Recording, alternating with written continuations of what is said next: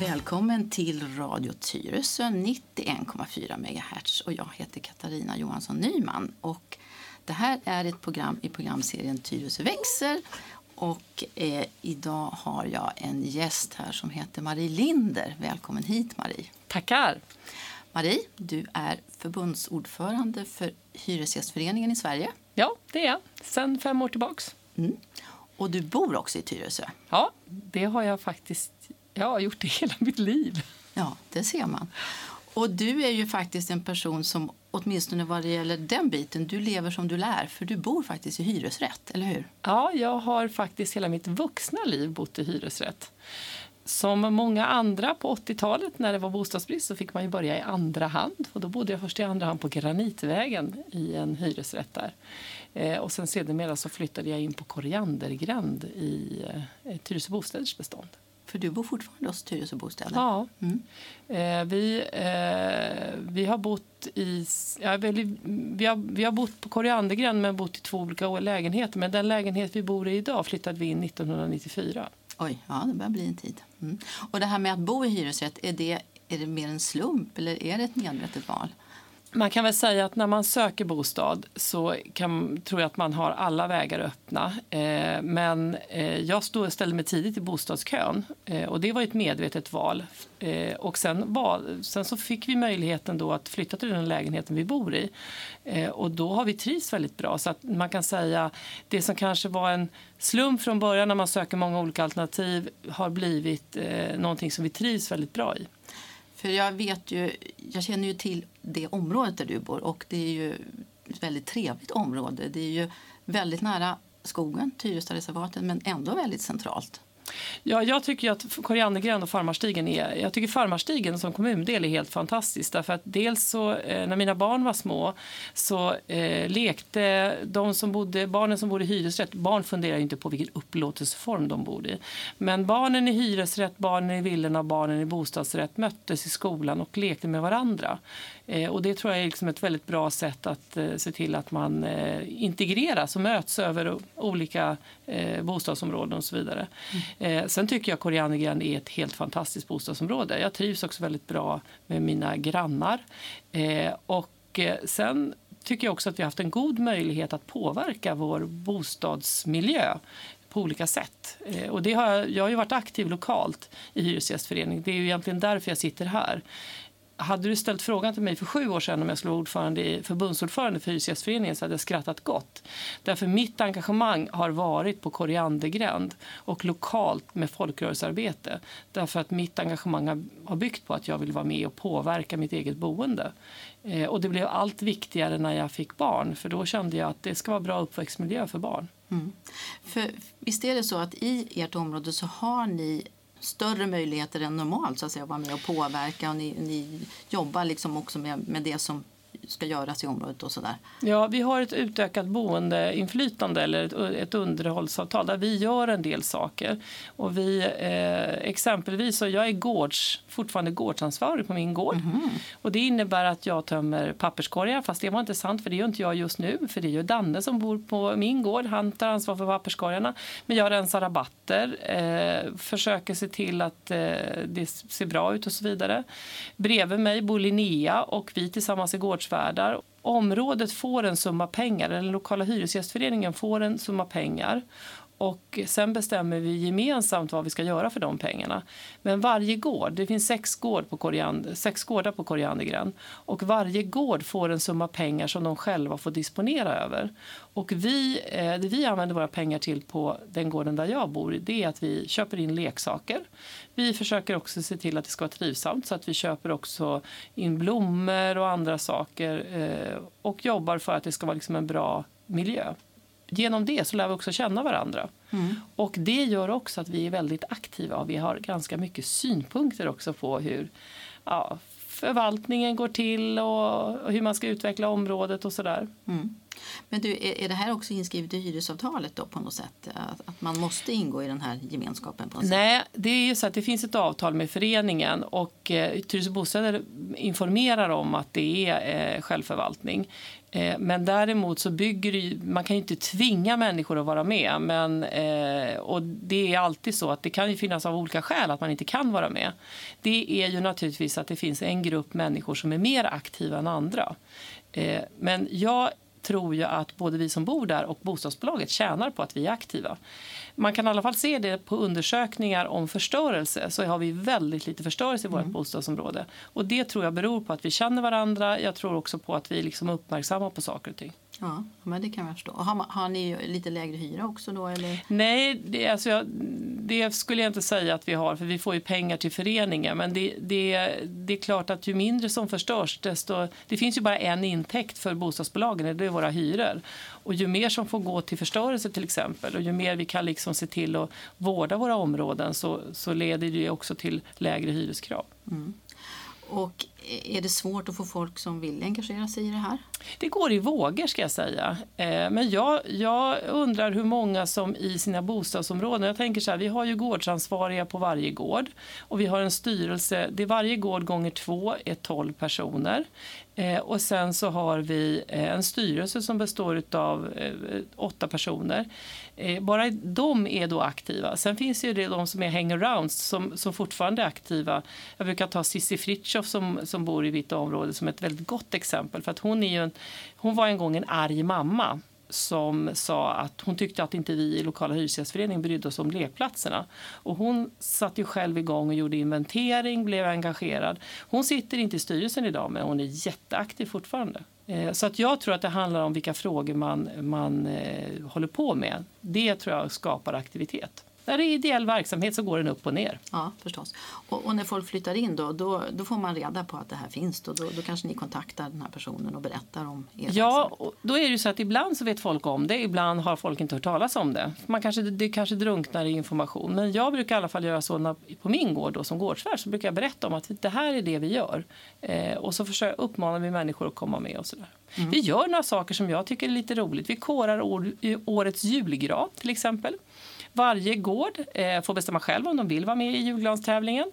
Och sen har vi då tävling om vem som har den fina smyckade julgranen. Och då ibland så blir det jättetävlingar. Förra året så kan man säga att det rörde sig vid sidan av granarna. Då hade vi dansande renar på väggarna och sånt där. Då var det liksom ljusshow på bussgården. Eh, så att, eh, men det är, det är också en rolig grej man gör för att liksom, eh, ägna sig samman. Eh, Så att den här typen av aktiviteter är ju bra. Och sen kombinerar vi städdagarna med bomöten som vi bjuder in människor till. Så att vi gör mycket bra saker. Sen så skulle jag önska att det fanns ett ännu större engagemang. Det finns ju en god möjlighet för föräldrar att göra bra barnaktiviteter. Och det var ju ett av skälen till att jag en gång själv engagerade mig. För Det, att- det finns liksom lite pengar som man skulle Ja, kunna använda. absolut. Ja, precis. Nej, och det är ju precis det här som bygger det här som vi kallar för kollektiv styrka. Det Mm. här att man, att man känner sina grannar och, och så blir man engagerad. Och så känner man större trygghet också. Ja. Sen, är ju, sen måste man ju berätta det, det som vi har ju en gemensamhetslokal som heter Farmagården som ligger en liten bit i, den ligger mellan gymnasiet och Koriandergränd. Den gården byggde ju hyresgästerna en gång i tiden. Den ska, det, det ska inte jag ta åt mig äran för. Men man tyckte att det var för små samlingslokaler. Och då var man med och såg till att den gamla fritidsgården som stod vid Stimmet blev flyttad till den här platsen. Och den gården sköter vi själva med liksom driften och, och Eh, man, man kan boka den och så vidare. Där finns en bastu också. Eh, men mycket av liksom det inre underhållet eh, har vi gjort själva i många år. Nu har Tyresö Bostäder tagit ett större ansvar för det. Det tror jag är bra. för att det, det kan bli väldigt tungrot om man ska laga tak och laga golv och sånt. Men, men däremot exempelvis eh, att det ser ut på det sättet vi har ordnat bastun med omklädningsrum.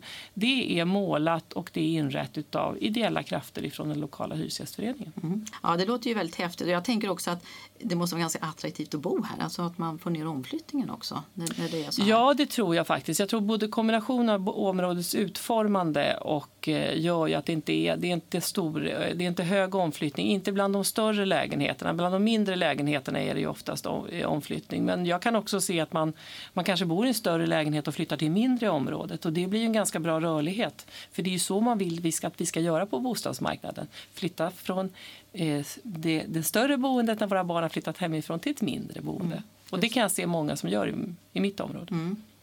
Och du bor ju hos Tyresö Bostäder då.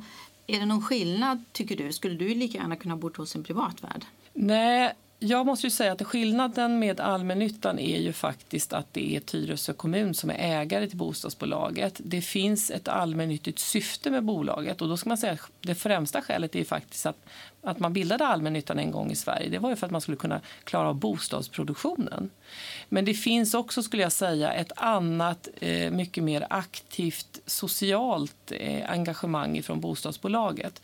Så att jag skulle säga att jag tycker att Tyresö Bostäder eh, är en väldigt bra hyresvärd. Eh, och jag tycker att man, man lyssnar på sina hyresgäster.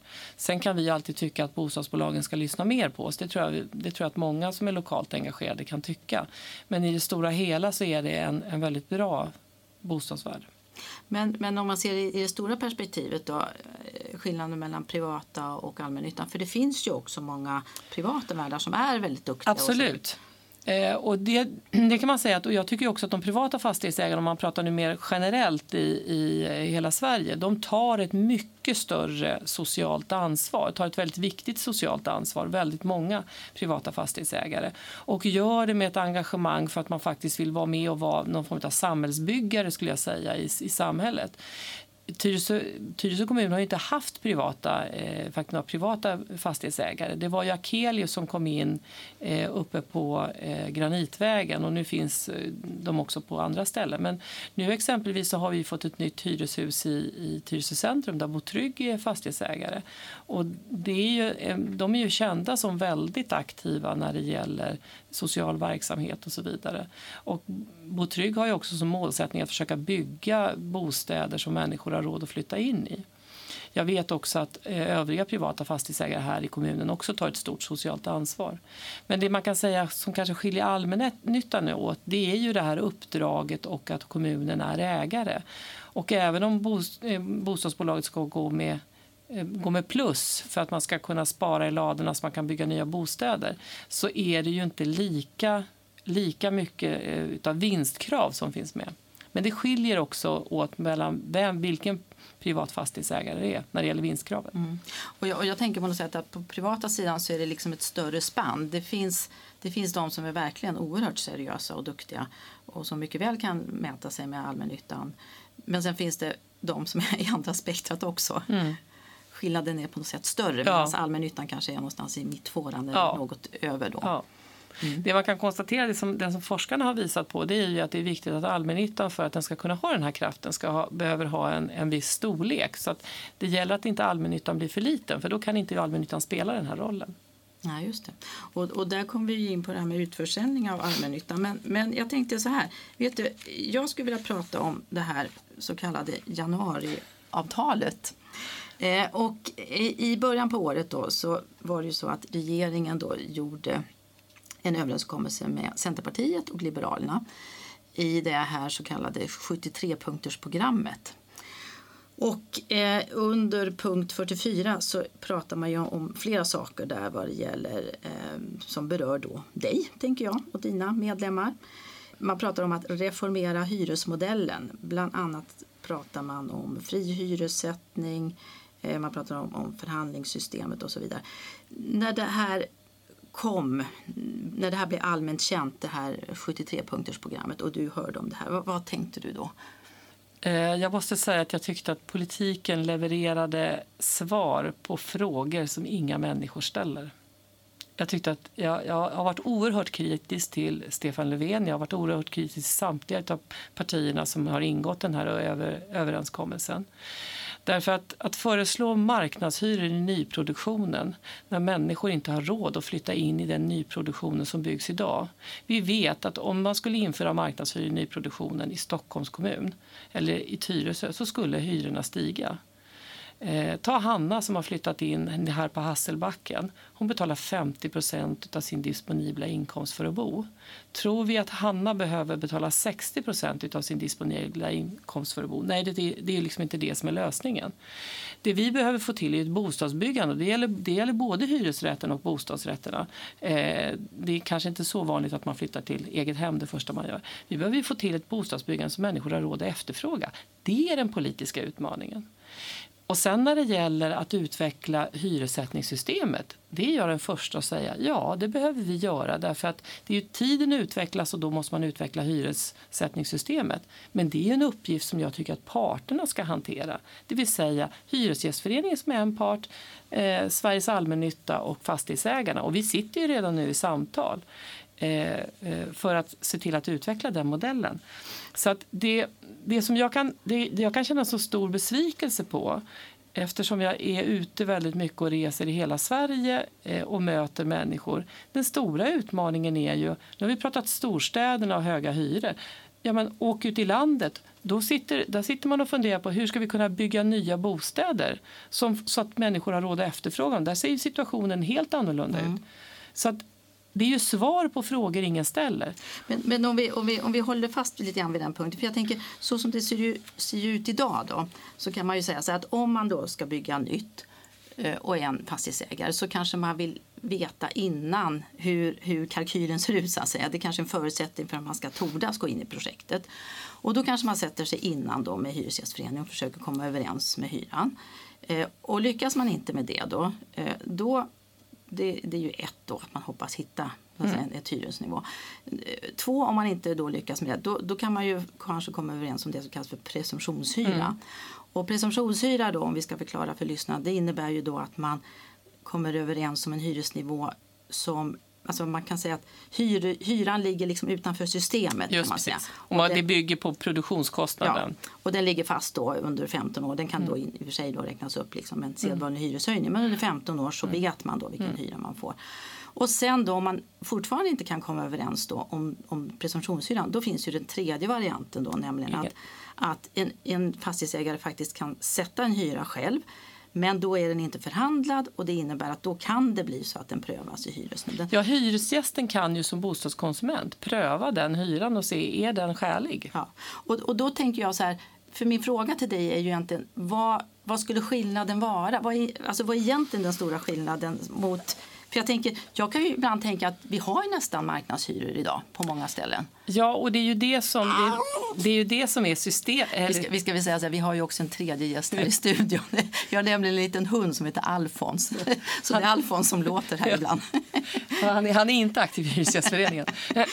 Nej, men den stora skillnaden är ju att det man, med det här förslaget som, som finns med i 73-punktsprogrammet eh, så innebär ju det faktiskt att som förslaget ligger nu så ger man ju inte möjlighet för den som flyttar in att faktiskt påverka sin hyresnivå.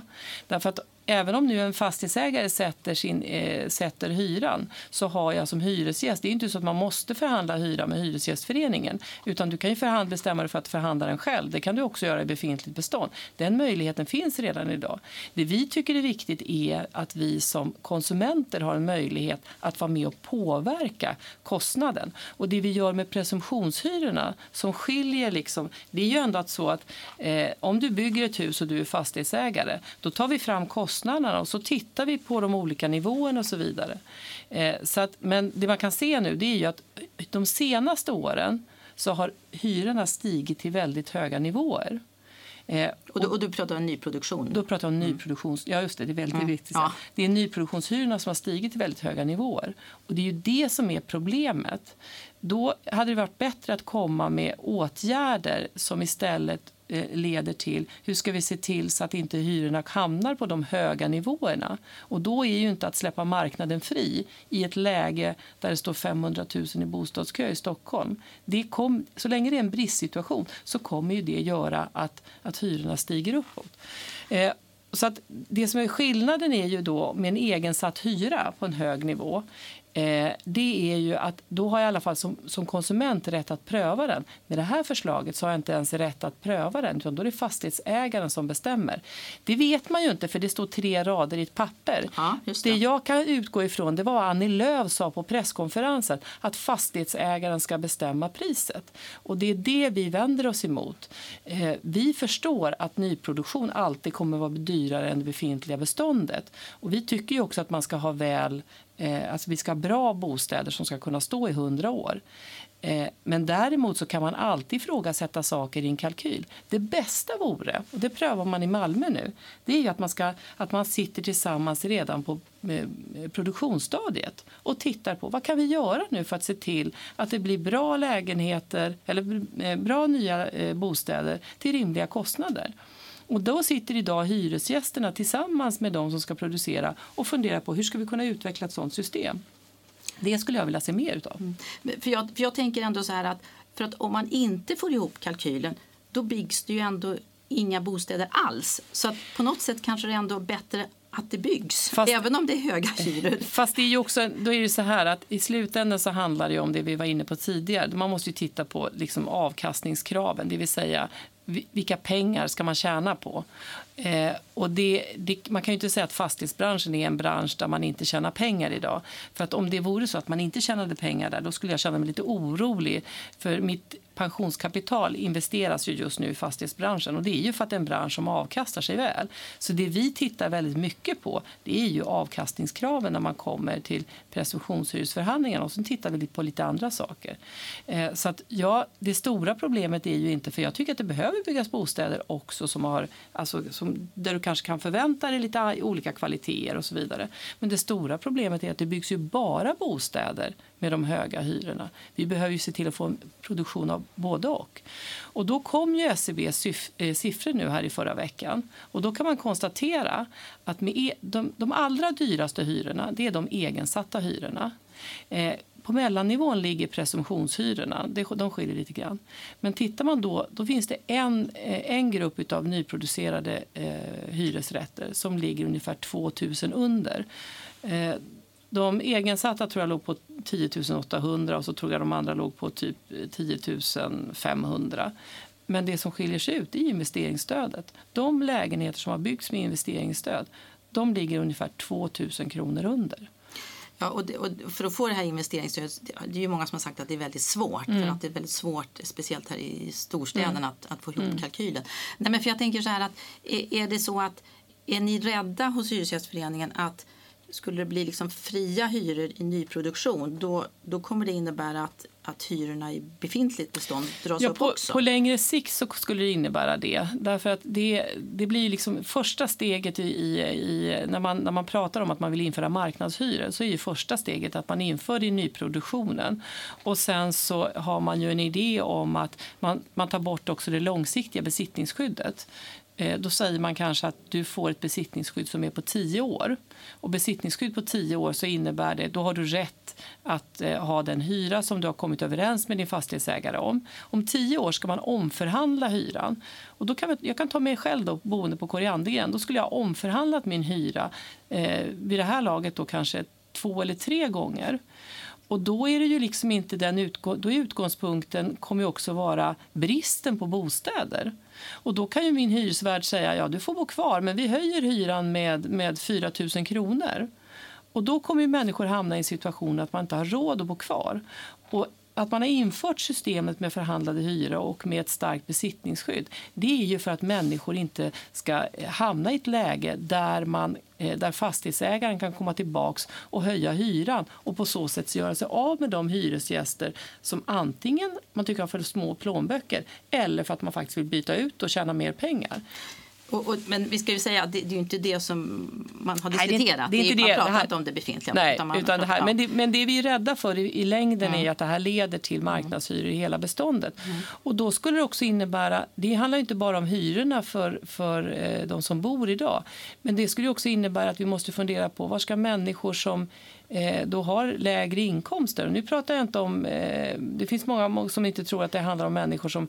Det är människor som har heltidsarbeten men som har inkomster som är lägre. Eh, vi kan prata förskollärare, vi kan prata sjuksköterskor, vi kan prata vårdbiträden, de som jobbar i affärer och annat. Var ska de människorna bo då? Och hur ska man se till att de har råd att bo? Ska vi ha speciella områden för de som har lägre inkomster? Och det här har ju också allmännyttan spelat en väldigt viktig roll. Därför att det som, det som är fantastiskt med allmännyttan tycker jag fortfarande, det är ju att eh, om jag ställer mig i bostadskön så har jag möjlighet att få en bostad.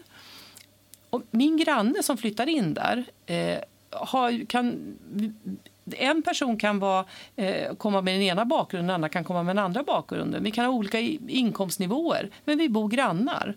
Man pratar väldigt mycket om ett segregerat samhälle idag. Jag tycker allmännyttan är fantastisk.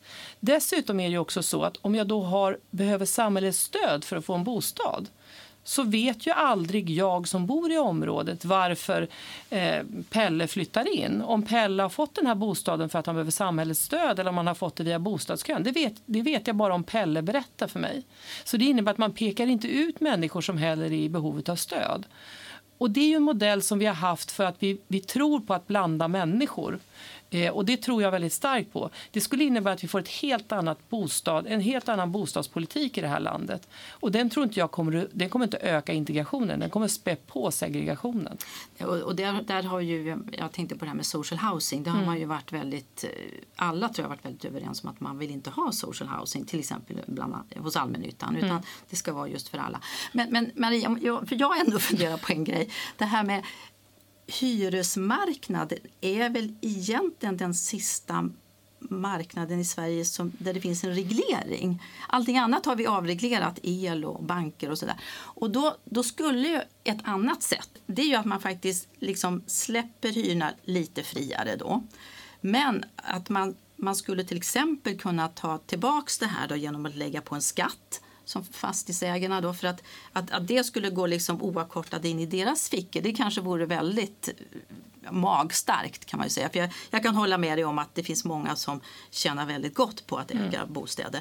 Men det skulle då kunna, det skulle kunna då bli en skatt som de då får betala och sen skulle man istället kunna destinera ett bostadsbidrag till de som behöver jag tror att man behöver... Vad säger du om den idén? Ja, nej, då, då säger att det, det, man har ju prövat det här runt om i Europa. Eh, vi börjar ju se effekten av det. Jag tycker att det är ganska intressant att titta på Berlin. Mm. I Berlin sitter man nu och diskuterar hyrestak.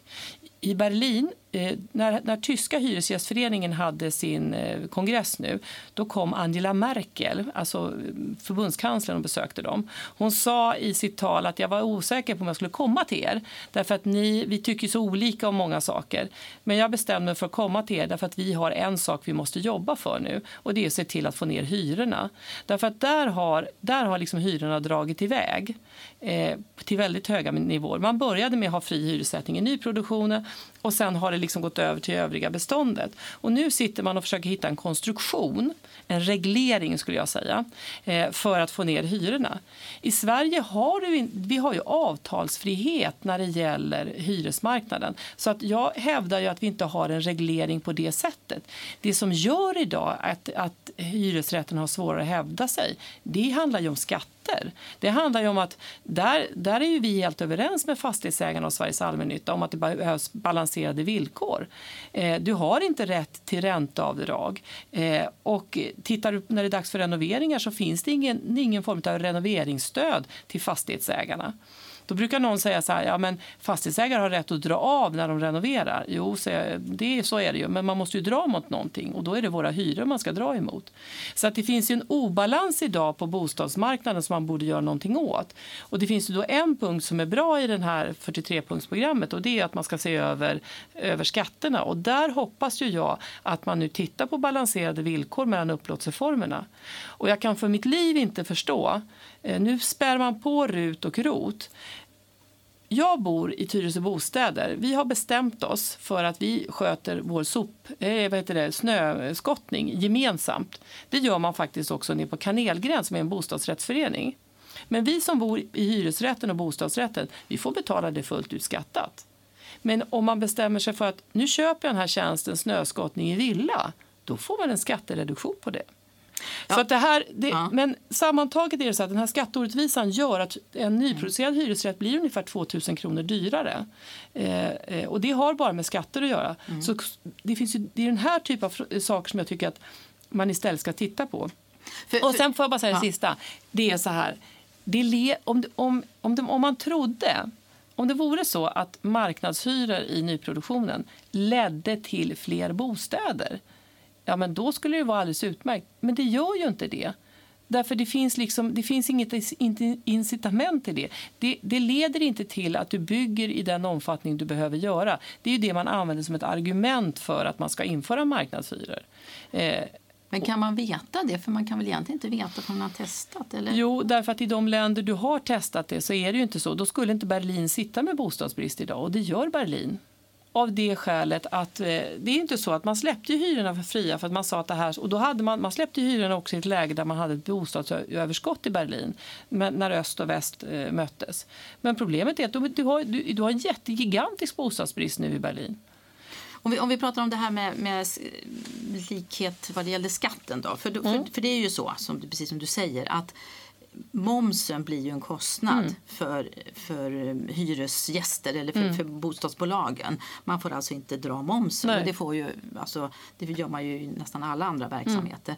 Varför, är det här en, varför är det här en så svår fråga att få gehör hos de som bestämmer? Därför att vårt, om man, tittar, om man, om man liksom plockar ut bostadsområdet ur skattesystem eller ur, och bara tittar på bostadsområdet så är problemet är att det är ett lapptäcke. När man tog bort fastighetsskatten då skulle man ha gjort någonting åt, åt ränteavdragen. Så att det handlar ju om att eh, man har ju spett på den här obalansen mellan ägt och hyrt. Och egentligen måste du gå tillbaks ända till liksom 90-talet och den eh, skatteöverenskommelsen som gjordes då. Eh, där, eh, där man kan säga att man, hyrorna höjdes ungefär med 1000 kronor.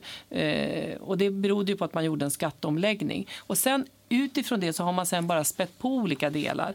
Eh, och det finns ju många som ibland säger inte, inte ska hyresgäster få ett rotavdrag.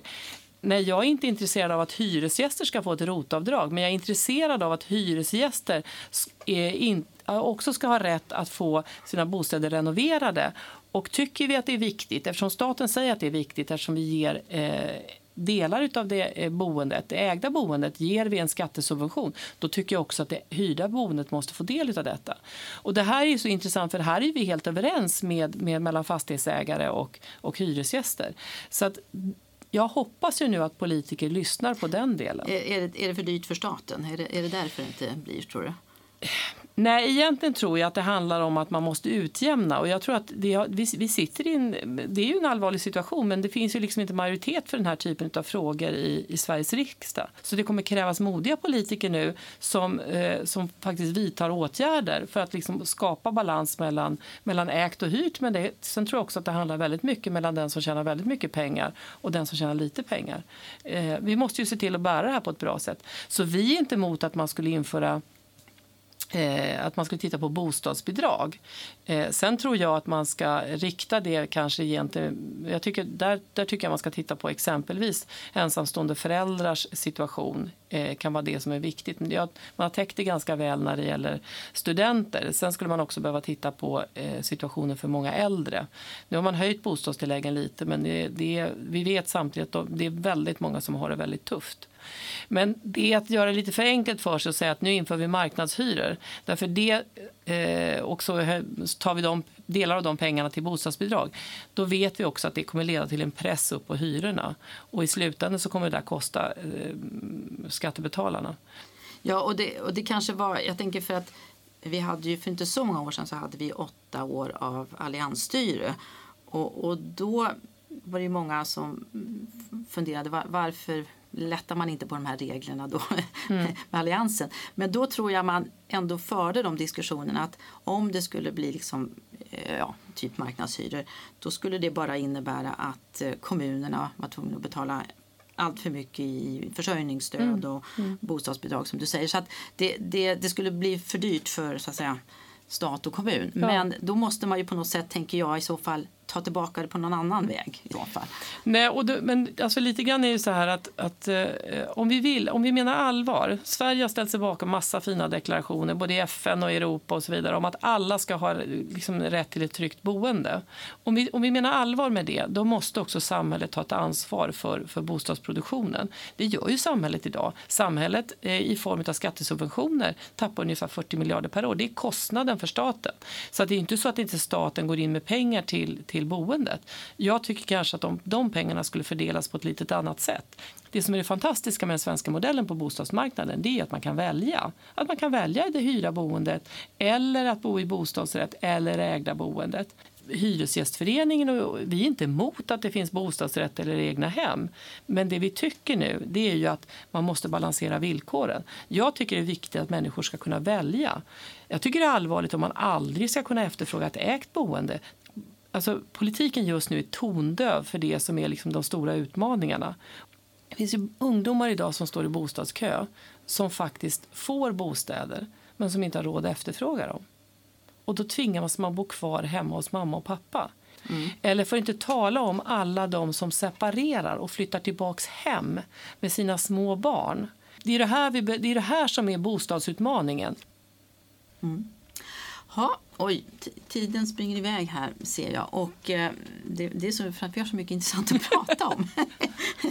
Men ja, jag vill verkligen tacka dig, ja. Marie Linder från Hyresgästföreningen. Jag tänker så här att vi kanske träffas om några veckor igen och fortsätter det här samtalet. Tack så hemskt mycket. Det var ett spännande samtal. Det som är, det som är fantastiskt med Tyresö är ju att vi hela tiden utvecklas. Det är en rolig kommun att bo i. Eh, för att det byggs nytt och det, det kommer flyttar in nya människor. Det är ju spännande att bo i en kommun som utvecklas. Ja, och visst är det ju en väldigt vacker och trevlig kommun, eller hur? En underbar kommun. Jag som bor på Farmarstigen och som har nära till Barnsjön och sen bara liksom fortsätta ut mot Tyresöreservatet. Jag tycker jag bor helt fantastiskt. Mm. Och allmännyttig hyresrätt i Tyresö, det är ett väldigt bra boende. Ja, vad bra. Eh, och jag skulle säga så här då att den här programserien Tyresö växer finns numera också som podd där poddar finns. Så att då säger vi tack så mycket för idag. Och tack då Marie Linder. Tack så mycket. Och jag heter Katarina Johansson Nyman. Brothers